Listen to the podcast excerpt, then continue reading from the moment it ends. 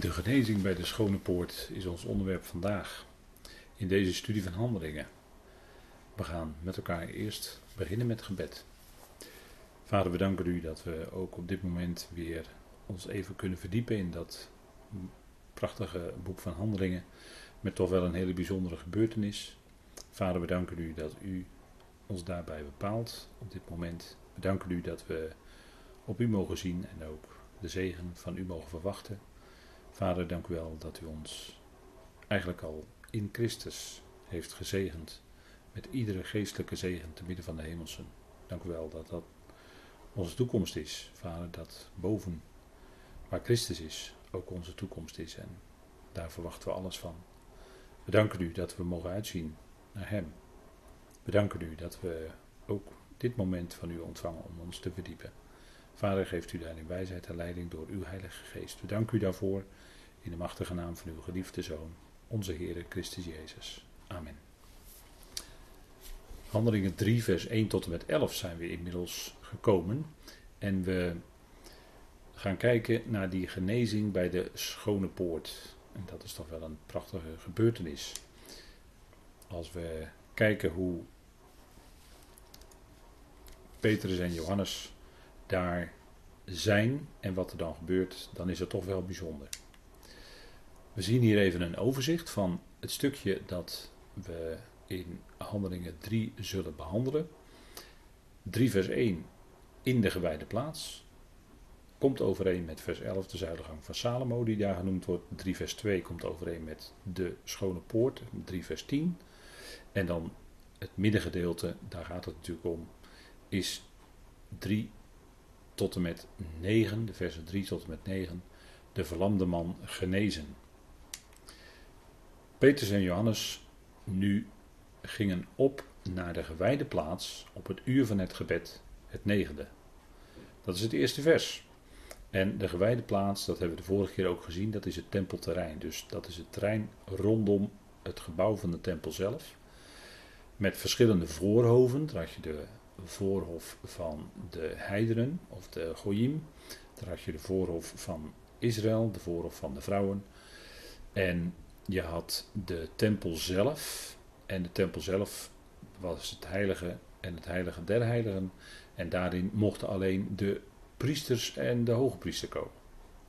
En we zien ook hier dat zij komen op het uur van het gebed. En dat was tegelijkertijd ook het uur van het avondoffer. Dat is wel even goed, denk ik, om te vermelden.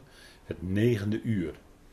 En op het derde uur van de dag, s'morgens dus om drie, uh, s'morgens om negen uur, dat is het derde uur van de dag in die telling, dan moest daar het ochtendoffer gebracht worden.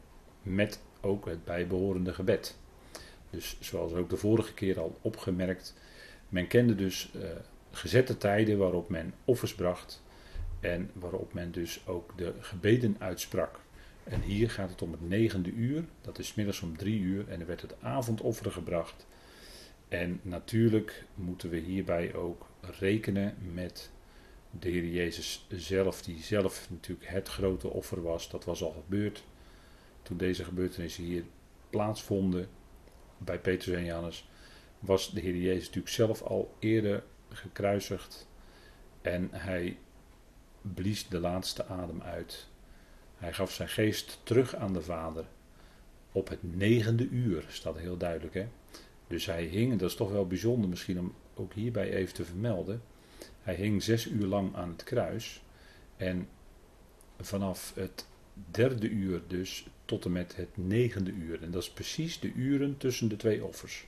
Tussen het ochtendoffer en het avondoffer.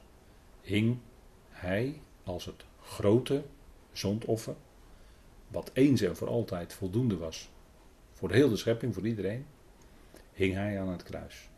Dat is toch wel bijzonder, denk ik, hè, om dat even vast te stellen met elkaar. En dat dus naar de traditie op het derde uur, toen hij gekruisigd werd, gebeden werd. En dat op het negende uur, toen hij stierf en de laatste adem uitblies en hij ook biddend sprak: Vader, in uw handen beveel ik mijn geest en het is volbracht. Dat toen ook door de Joden gebeden werden uitgesproken.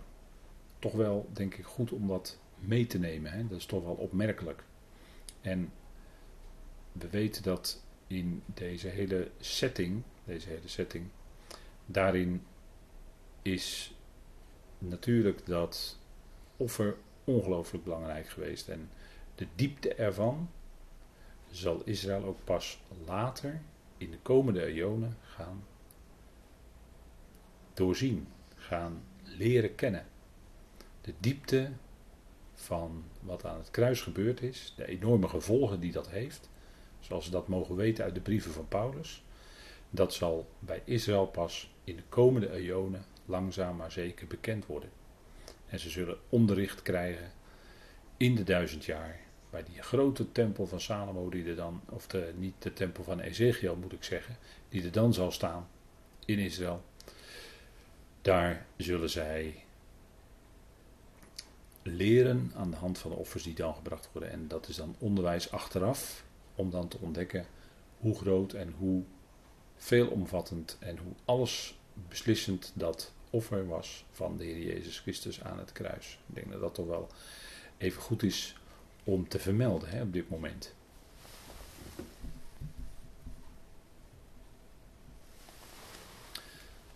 Men was dus op de gewijde plaats. En in deze vertaling die ik hier opvoer, wil ik dat ook graag handhaven, zodat u duidelijk het onderscheid kunt zien tussen de teksten waarin het echt om de tempel zelf gaat, dus de twee heiligen, en de gewijde plaatsen.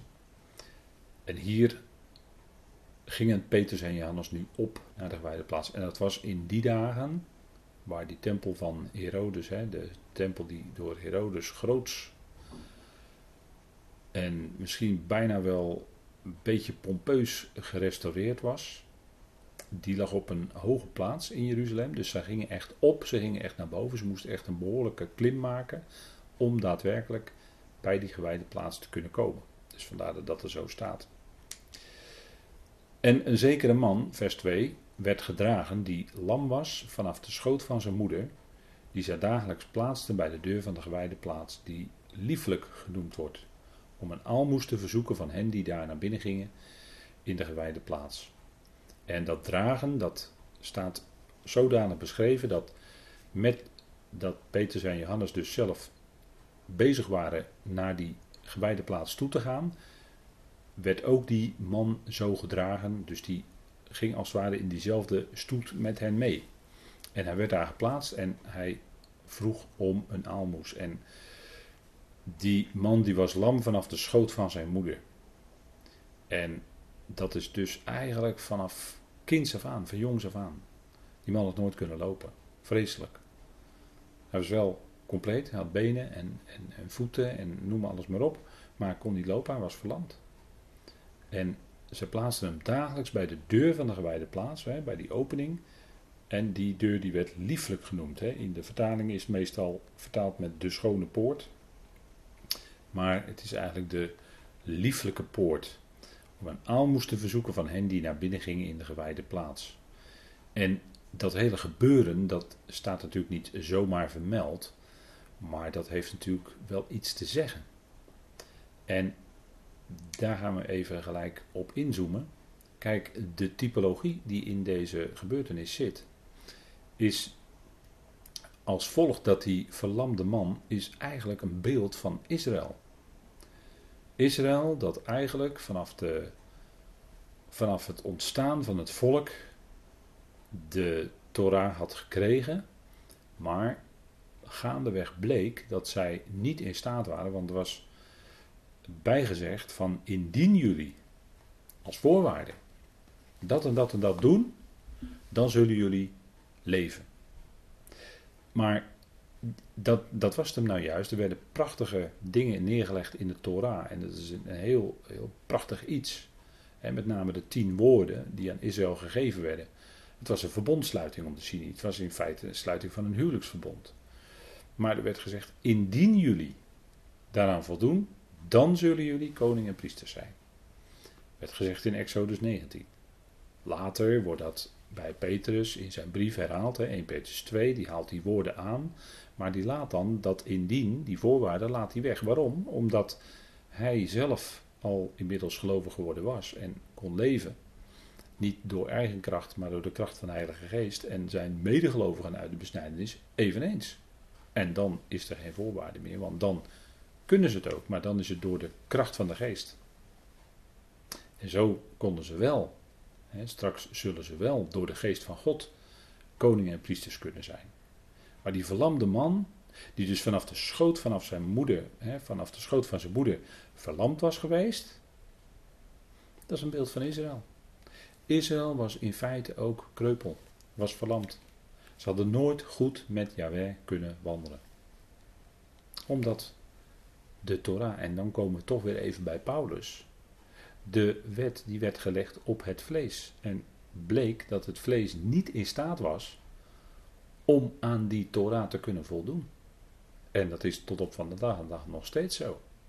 Daar waar die wet voorgelezen wordt, die tien woorden, en dat wordt in, in kringen en kerken op zondag, eh, in kerken met name op zondag, elke zondag gedaan. En de mensen in de kerk, die nemen zich dan elke zondag misschien voor, heel mooi, om er de komende week weer aan te voldoen. En dan is het een week later en hebben ze er weer niet aan voldaan. Dat komt omdat ze dan proberen vanuit zichzelf, dus vanuit hun eigen vlees, eraan te voldoen. En dat gaat niet lukken. Dat werkt niet. Paulus zegt dat ook in Romeinen 7, toch een belangrijk hoofdstuk om, als we deze dingen met elkaar overwegen, eh, erbij te betrekken. Nou, die lieflijke deur is een beeld van de toegang tot Yahweh. En Israël beschikte over een prachtige toegang tot Yahweh. Maar ze konden niet tot hem naderen. Ja, één keer de hoge priester. Maar die moest dan een offer brengen, die moest dan bloed sprenkelen. Zodat ze weer beschermd waren voor een jaar. Tegen het getuigenis van de tafelen die in de ark van het verbond lagen. En ze hadden een prachtige toegang tot Yahweh. Maar ze konden daar niet door. En hoe tekenend is dan deze verlamde man als beeld van Israël, dat wel, weliswaar dicht bij die deur zat, de toegang tot Yahweh, maar er niet doorheen kon gaan. En dat laat ook zien dat alleen de Heer heel kan maken. Zo wordt hij ook aangeduid hè, in Exodus 15, vers 26. De Heere is uw heelmeester. De Heer had hen toen, ze waren toen ongelooflijk blij en vreugdevol, want ze waren door de Heer uitgeleid uit het slavenhuis van Egypte. En toen zeiden ze, ja, de Heer is onze heelmeester.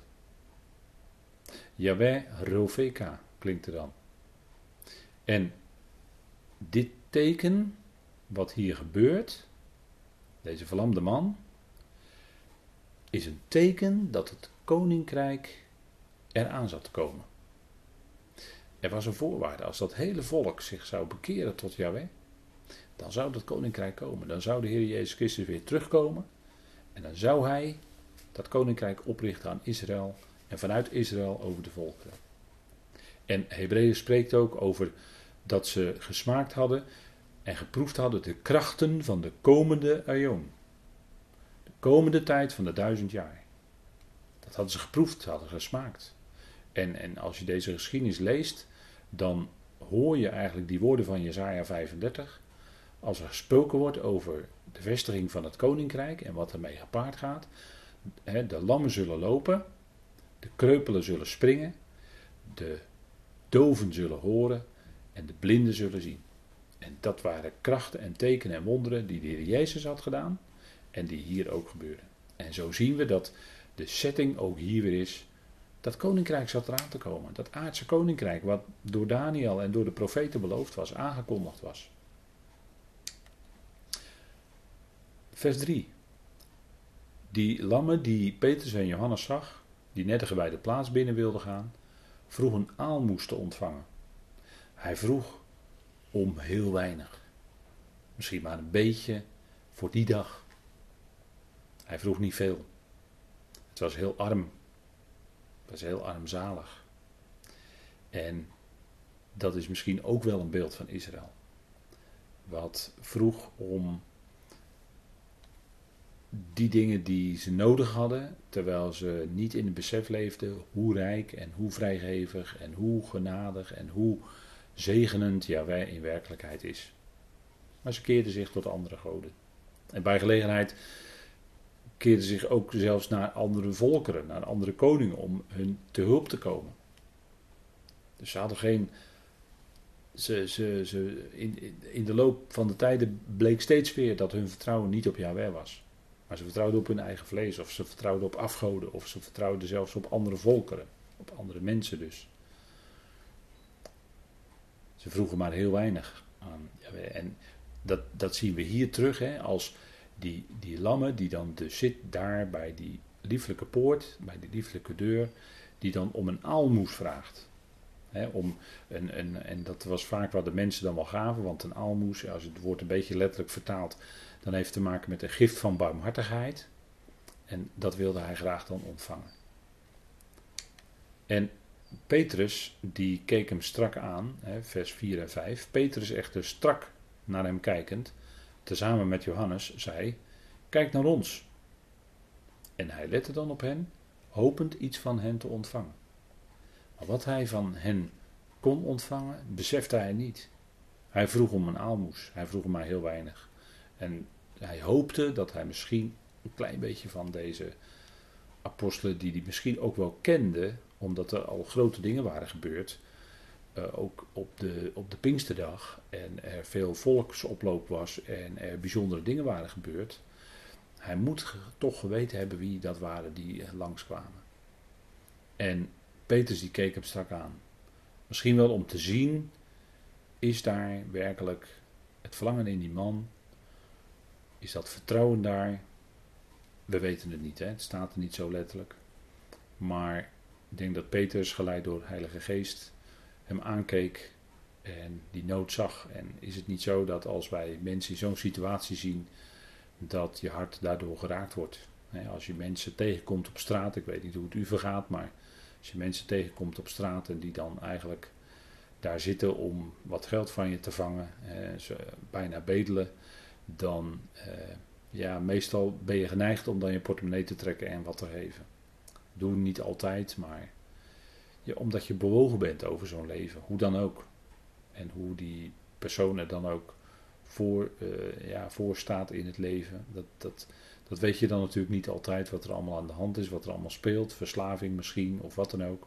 Maar toch, het is een mens. En dat is het principe van heel Gods woord. God houdt van de mens. Mensen die dingen doen, dat is heel wat anders. En we hebben gisteravond in de Bijbelstudie van Openbaring gezien dat God een einde maakt aan Babylon op een hele heftige manier. En, dat, en dan staat er ook zo bij dat die vrouw, die, eh, die, die stad wordt dan eh, door Johannes in een visioen gezien, in een beeld als een vrouw, een afvallige vrouw, die daar dan ook wel gesitueerd is. Dat, dat zijn allemaal beelden natuurlijk van openbaring. Uh, die stad Babylon is wel letterlijk, maar die vrouw dat is natuurlijk een beeld van iets. En dan staat er ook dat zij gericht wordt naar haar werken. Dus God die uh, laat zijn verontwaardiging merken over de werken van de mensen, over de, mensen, de dingen die de mensen doen, omdat het vaak afwijkt van zijn, zijn standaard, omdat het niet tot eer van hem is. Maar de mens zelf is geliefd. dat is een, toch een bekend thema, ook binnen het Jodendom. Geliefd is de mens. Ja, wij houdt van de mens. En zo, zal, zo zullen Petrus en Johannes ook hem aangezien hebben. Met, zoals van de Heer Jezus ook uh, enkele keren gezegd wordt, dat hij met innerlijke ontferming bewogen was over de mensen die hij tegenkwam, over hun verlorenheid, over hun gedrag. En is het niet zo dat uh, u en ik dat ook overkomt, dat we bewogen zijn over mensen, hè, dat hun, hun, hoe hun situatie is en, en ja, en vaak meestal als het gaat om ziekte of ernstige ziekte ben je machteloos. Je zou de ziekte wel van diegene af willen nemen of de pijn willen verwijderen. Maar je staat zo vaak machteloos. Je kan er niks aan doen. Petrus en Johannes keken naar hem. En hij hoopte iets van hen te ontvangen. En dan kijken we in Handelingen 3, vers 6. En Petrus zei echter: Zilver of goud behoort mij niet toe. Wat ik echter heb, dat geef ik aan jou. In de naam van Jezus Christus de Nazareër, sta op en wandel. En dat was natuurlijk wat de naam die Petrus in de mond nam, die is zo ontzaglijk veel, hè, dat, dat staat voor zo ontzaglijk veel meer dan al het zilver of goud van de wereld. Jezus Christus de Nazareër, degene die geleden had en gekruisigd was geworden. Dat is zijn benaming in zijn vernedering. En in die naam, in de kracht van die naam, en dat is toch, zegt Paulus ook, de naam boven alle namen, het is Yahweh, redder. Zegt hij tegen die man: sta op en wandel. En dat was natuurlijk veel meer dan goud en zilver, want wat zou die man aan goud en zilver hebben? Dat kon hem ook niet genezen. Hij zou er nog steeds uh, zitten en niet kunnen lopen en wandelen. En hier zit die grote verandering die gebeurt door kracht van Heilige Geest. Dat die man gezegd wordt: sta op en wandel. Je gaat ervan uit dat die man even niet wist wat hij hoorde. Zo verrassend. Dat had hij nooit verwacht. Hij vroeg hem een aalmoes en hij kreeg ontzaglijk veel meer. En is dat ook niet wat Israël zal overkomen in de nabije toekomst? Dan zullen zij roepen tot Yahweh. want die man die riep of die sprak Petrus en Johannes aan, maar in hen sprak hij natuurlijk de Heer aan. En Israël zal dat gaan doen straks aan, tegen het einde van de grote verdrukking. Dan zullen ze tot hem roepen en dan zal hij er ook zijn. En dan zal hij ze oneindig veel meer geven dan waarom ze. Ze vroegen misschien om redding uit die situatie, maar hij zal ze nog veel en veel meer geven. Rijke, milde zegeningen. En zal een een zeer aangename tijd staan. Hij zal de vervallen hut van David weer opbouwen. Dat is verderop in dit hoofdstuk. Daar komen we een volgende keer, of misschien die keer daarna, komen we daar wel op, op die tekst. Maar hij zal de vervallen hut van David weer opbouwen en hij zal herstellen. dat, hij zal dat koninkrijk alsnog doen gebeuren. Dat koninkrijk zal dan alsnog komen.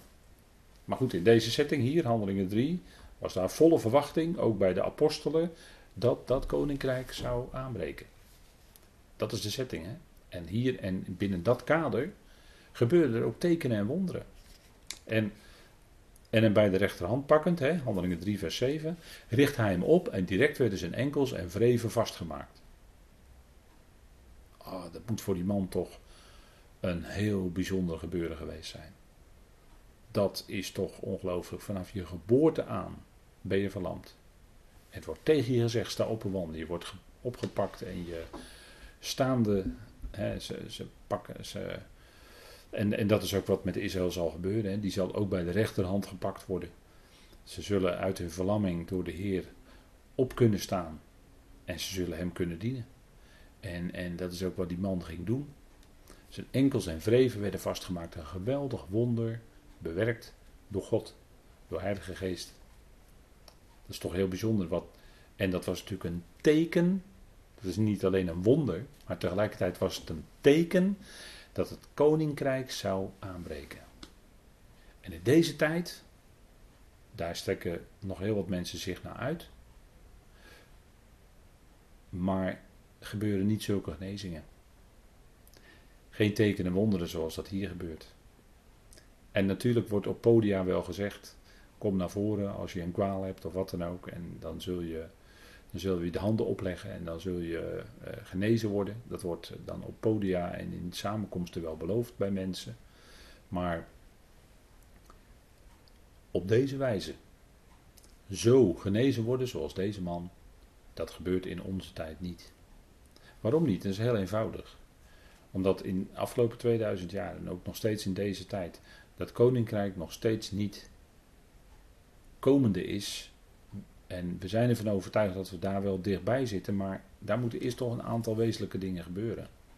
En dan zullen die wonderen en tekenen weer gaan plaatsvinden. En dan zal het koninkrijk echt komen. Dan zal echt naar Joel 2, wat in Handelingen 2 ook klonk, zal die geest uitgegoten worden op alle vlees. En dan zullen echt zulke tekenen en wonderen gebeuren. En dan zal het koninkrijk daadwerkelijk gaan aanbreken. Ja, dan wel. Maar in deze tijd niet. En dat, is, dat leidt tot enorme teleurstellingen bij mensen. Het leidt tot eh, zelfs dat mensen hun geloof minder wordt of zelfs hun geloof daardoor verliezen omdat het niet gebeurt. Waar ze ernstig om bidden. Maar God geneest niet lichamelijk in deze tijd. Dat is geen. Uh, dat, dat, is, dat is niet iets dat in deze tijd beloofd is. In deze tijd kennen we alleen geestelijke zegeningen die we in Christus al ontvangen hebben. Daar kunnen we voor danken. Voor al die geweldige geestelijke zegeningen die, hij, die God ons geeft. En dat is niet hier op aarde, maar dat is boven. dat is toch een hele andere, voor ons is toch een hele andere richting, een hele andere plek, ook in de toekomst toebedeeld, dan hier op aarde. Vers 8. En die man was natuurlijk geweldig vol vreugde. En overeind springend stond hij. En wandelde. En kwam samen met hen binnen in de gewijde plaats. Nu kon hij die poort wel doorgaan. Nu kon hij wel in die gewijde plaats komen. Dat is een plaatje van Israël. Wat straks wel in dat koninkrijk zal komen. In de tegenwoordigheid van Yahweh. Wandelend en omhoog springend en God lovend. Zo zal Israël ook zijn in de komende duizend jaar. En ook daarna op de nieuwe aarde. Dan zullen ze kunnen wandelen met Yahweh. Dan zullen ze hem kunnen loven en danken en prijzen. En dan zullen zij dat zegenkanaal zijn voor die andere volkeren. Voor al die volkeren. Dan zullen ze koning en priesters zijn. En dan zullen ze de psalmen vol jubel zingen voor Yahweh. Ja, dat wordt natuurlijk een geweldige tijd. Israël in de duizend jaar en daarna leven voor hem. En ja, dat is iets wat wij eigenlijk ook nu al mogen doen. Hè? En, en dat is voor ons meer geestelijk gezien. Voor ons is speelt het zich af vaak in ons innerlijk dat we God loven en prijzen. Dat we Hem jubelen en Hem danken. En dat hoeft niet per se zo uh, lichamelijk. Hè. Dat gebeurt dan ook wel in samenkomsten. Dat men, nou ja, dat, dat geeft men allerlei benamingen. En dan is men ook lichamelijk daarbij betrokken. Nou, wat er ook van is. Maar bij ons is dat allemaal geestelijk. Dat we Hem in ons hart, in ons binnenste Hem loven en prijzen en danken voor al dat rijke wat Hij ons gegeven heeft. En dat is nog veel rijker dan wat Israël in de komende tijdperken uh, ontvangt. En we hebben zulke sublieme zegeningen ontvangen dat we zelfs met Christus bovengezet zijn in de hoogste plaats. daar, daar, daar, eindigt toch dat eerste hoofdstuk van Efeze mee. Dat, we, dat, hij dat, dat Hij ons gegeven is boven alles als hoofd en dat is uh, wij ook boven alles aan Hem gegeven zijn. En Hij is dan het hoofd en wij zijn leden van het lichaam. En dan zijn we dan in en met Hem boven al dat andere geplaatst al. Wat een ongelooflijk hoge plaats. En wat rijk. Zijn we niet ons altijd zo bewust in de soms en misschien wel vaak moeizame dagen die we door moeten komen. Maar zo is het natuurlijk wel.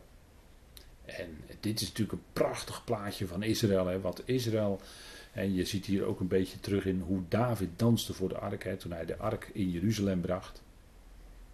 En, en hier eh, de, de geweldige vreugde-uitbarsting zal Israël ook krijgen.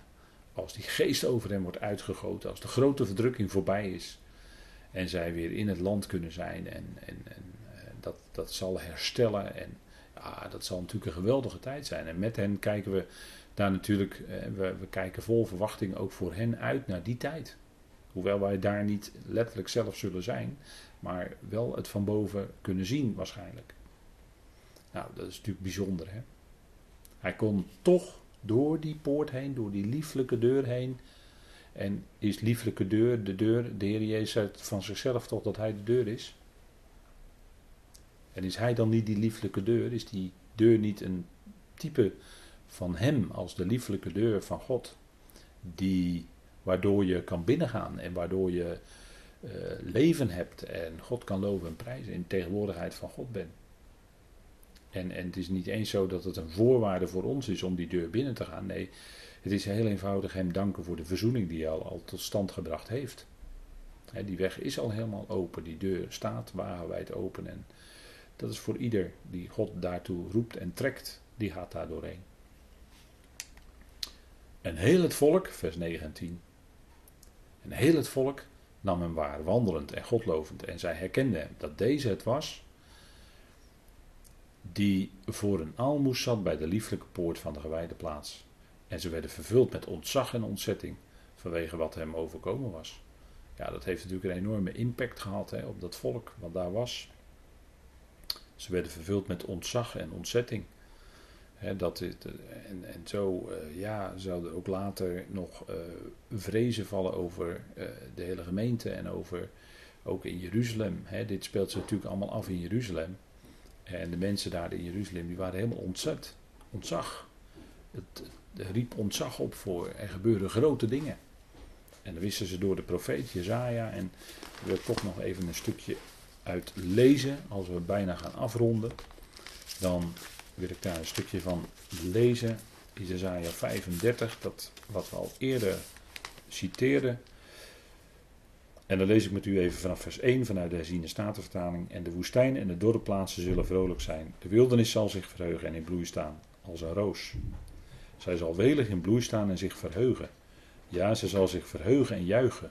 De luister van Libanon is haar gegeven, de glorie van de Karmel en de Saron. Ze zullen de heerlijkheid van de Heer zien, de glorie van onze God. Versterk de slappe handen, verstevig de wankelende knieën. Zeg tegen onbedachtzame van hart: Wees sterk, wees niet bevreesd. Zie uw God. De wraak zal komen, de vergelding van God. Hij zal komen en u verlossen. Dan zullen de ogen van de blinden worden opengedaan. De oren van de doven zullen worden geopend. Dan zal de kreupele springen als een hert. De tong van de stomme zal juichen. Want in de woestijn zullen wateren zich een weg banen. En beken in de wildernis. Nou, en zo gaat dat maar door. Hè? En zo zien we dat dat hier ook vervuld wordt. Toen hij nu Petrus en Johannes vasthield, rende heel het volk samen naar hem toe, bij de zuilengang die van Salomo genoemd wordt, diep ontzaghebbend. En zo eindigen we dan bij de zuilengang van Salomo. En u ziet hier een kaartje met een pijl hoe je moet lopen als je daar naartoe ging, hoe men moest lopen als men daar naartoe ging in, uh, bij de tempel. Dat men dan als men die route aflegde, men dan kwam bij die beroemde zuilengang van Salomo. En dat is eigenlijk wel mooi dat we dan met vers 11 vandaag eindigen bij Salomo. Want Salomo was natuurlijk een geweldig type van onze Heer Jezus Christus. Ik noemde daarnet al David. Maar Salomo is natuurlijk een geweldig type van de Heer Jezus Christus. Als hij zijn regering uitoefent in de komende duizend jaar. Want Salomo's regering was natuurlijk ja, dat is iets enorms geweest. Ontzettend veel goud, veel paarden, veel rijkdom. En er ging een roep vanuit in een, in een zeer groot gebied. De koningin van eh, Sheba die kwam en eh, noem maar op. Het, het, was enorm wat, wat, aan, wat bij hem aan rijkdom en heerlijkheid uh, is. En zijn naam zegt ook, hè, uh, shalomo, dat wil zeggen, dat, daar, daar klinkt dat shalom, hè, dat welzijn, dat, die zegen, dat klinkt daarin door. Nou, daar eindigt het hier ook bij, hè? De zuilengang van Salomo. En ze hadden diep ontzag. En is dat niet een type ook van hoe Israël dan is in de duizend jaar? Dan zullen ze diep ontzag hebben als die grotere Salomo regeert. En als dat woord zal uitgaan vanuit Jeruzalem en de onderwijzing vanuit Sion, dan zal dat tot zegen zijn voor Israël, maar ook voor de volkeren. En ze zullen diep ontzag hebben. Ook de volkeren, dat zal enorm gaan toenemen in die duizend jaar. Ze zullen diep ontzag hebben voor Yahweh.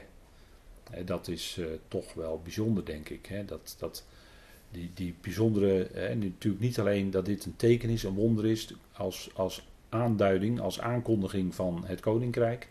Maar ook dat het een type is, een plaatje is van een verdere toekomst, die wel degelijk zal gaan plaatsvinden als de Heer die twee huizen, het huis van Ephraim en het huis van Juda, met elkaar verenigd heeft.